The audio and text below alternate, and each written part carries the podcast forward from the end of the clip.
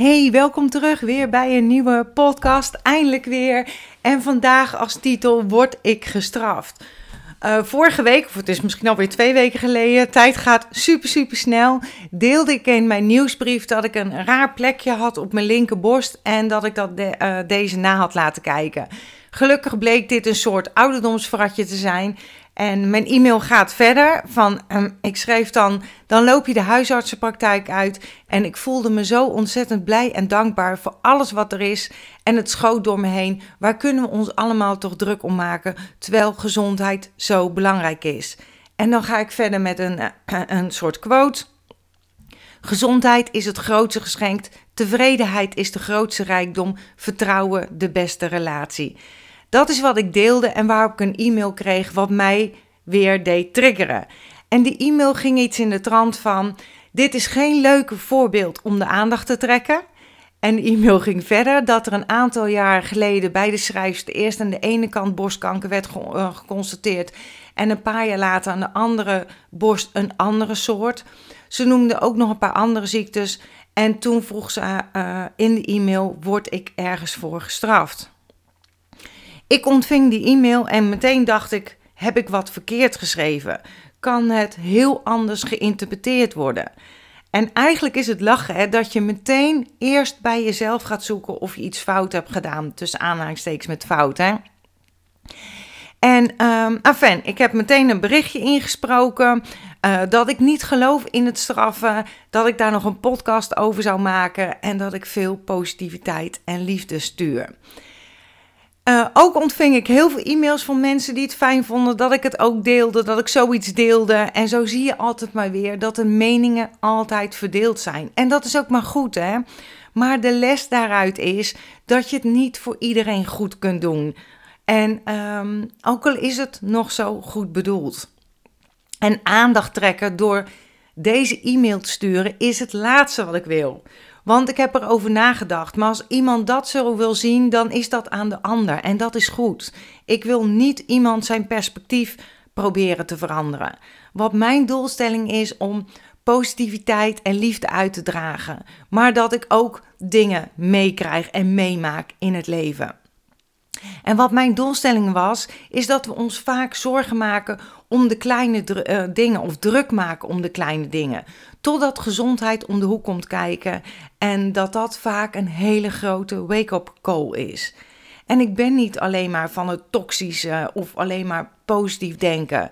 Want ik zeg ook altijd: het leven is eb en vloed. En het is hoe jij ermee omgaat. En dat je emoties niet hoeft weg te drukken. En eh, op die e-mail ontving ik weer als antwoord dat ik niet meer hoefde te antwoorden, dat ik het niet expliciet uh, hoefde te noemen dat ik bij de huisarts was geweest voor een plekje op mijn, bord, uh, op mijn borst. En verder dat gezondheid is belangrijk en als dat bedreigd wordt of weg is, waar maak je je druk om? En ze schrijft precies dat. Je maakt je druk om datgene wat belangrijk is. En Verder nog, je hoeft ook niet te reageren, want iemand die zo gezond is, snapt niets van waar mensen die niet gezond zijn zich druk over zouden maken. Nou, die kwam even binnen. Oeps, dacht ik. De boodschap is hierbij dus duidelijk anders overgekomen dan mijn intentie was, dan mijn bedoeling was. Gewoon even bedoeld als bewustzijnzaadje dat het iedereen kan overkomen. En als er vandaag iets onbelangrijks gebeurt, dat je gewoon denkt: fuck it. En misschien had ik het zo even plat moeten zeggen in de nieuwsbrief, geen idee. En wat mij ook triggerde was een andere zin uit de e-mail van als straffen niet bestaat, bestaat belonen of een geschenk krijgen ook niet. Nou, daar heb ik even over na moeten denken, maar ik geloof werkelijk niet in straffen of, of testen van het universum. Wel denk ik dat je jezelf ziek kan maken, maar ook beter kan maken, zelfheling. En daar heb ik ontzettend veel boeken over gelezen en dat is iets wat mij ook triggert. Het is iets wat mij heel erg interesseert. Je bent liefde. Alleen tijdens het opgroeien hebben we dingen gezien, gehoord en voor waar aangenomen en dit meegenomen in ons hele zijn, in ons lijf, in ons cellen. En vaak hebben we ons licht laten doven bang om te worden gekwetst of jezelf willen afschermen voor pijn.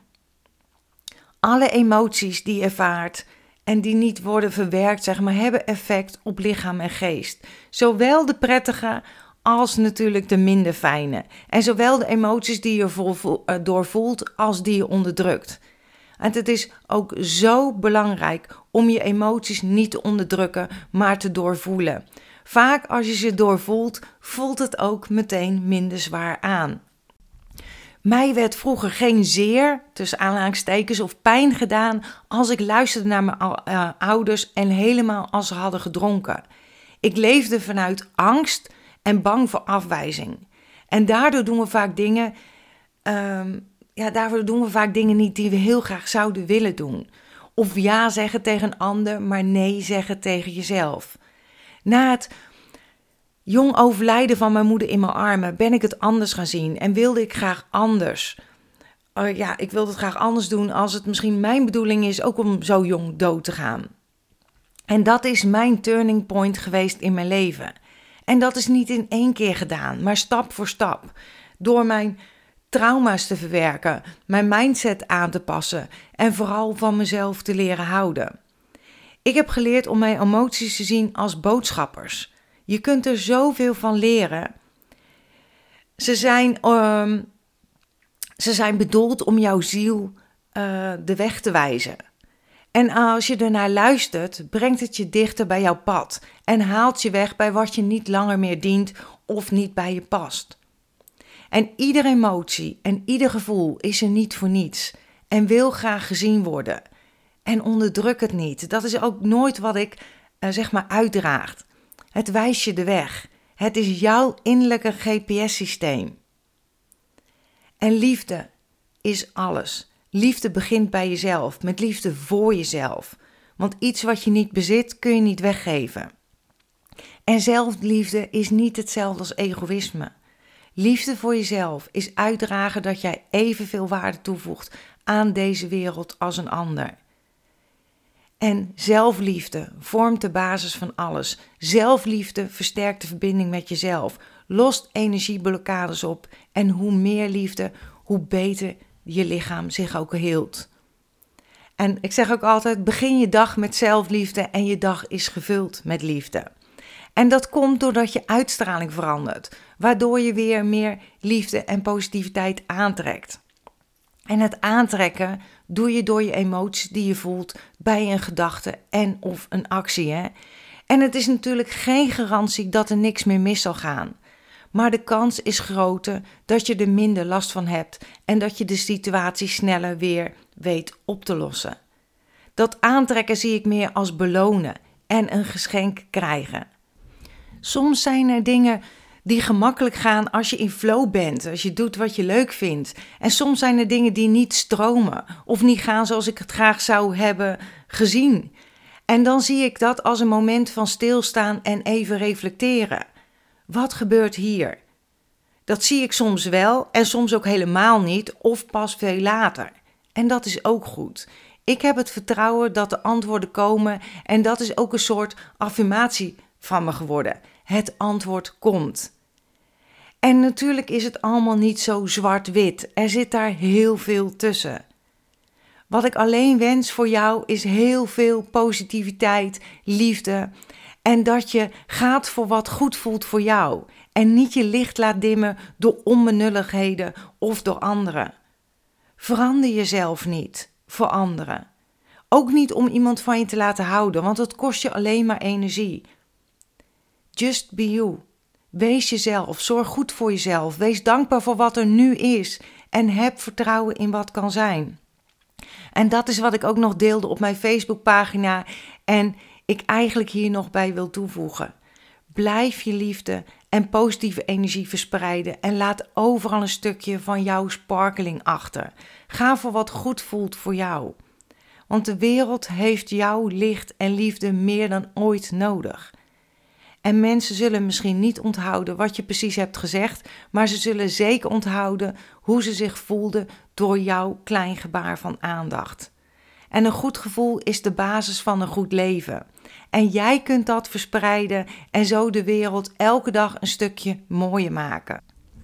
Laat je niet naar beneden halen door kleine onbenullige dingen. Richt je op wat je allemaal wel wil en zet positieve intenties. Mocht er iets gebeuren op jouw pad, dan word je niet gestraft. Het heet leven. En het gaat erom hoe jij ermee omgaat, wat je er weer van leert. Wel kan je reflecteren. Heeft het mij iets te zeggen? Wat kan ik hiermee? Neem even de tijd om naar jezelf te luisteren of journal erover.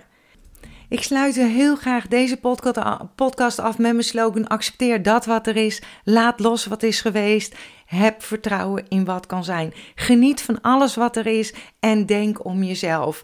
Superleuk als je een review wil achterlaten op iTunes. Daar help je weer mee met deze podcast te verspreiden. Maar doe altijd wat goed voelt voor jou. Hè? Of deze podcast komt ook op YouTube. Een duimpje op of een reactie. Allemaal heel fijn. Nogmaals, altijd doen wat goed voelt voor jou. Ik waardeer het en uh, dank je wel daarvoor alvast. Ik uh, ben er snel weer met een nieuwe aflevering. Tot dan. Doei doeg!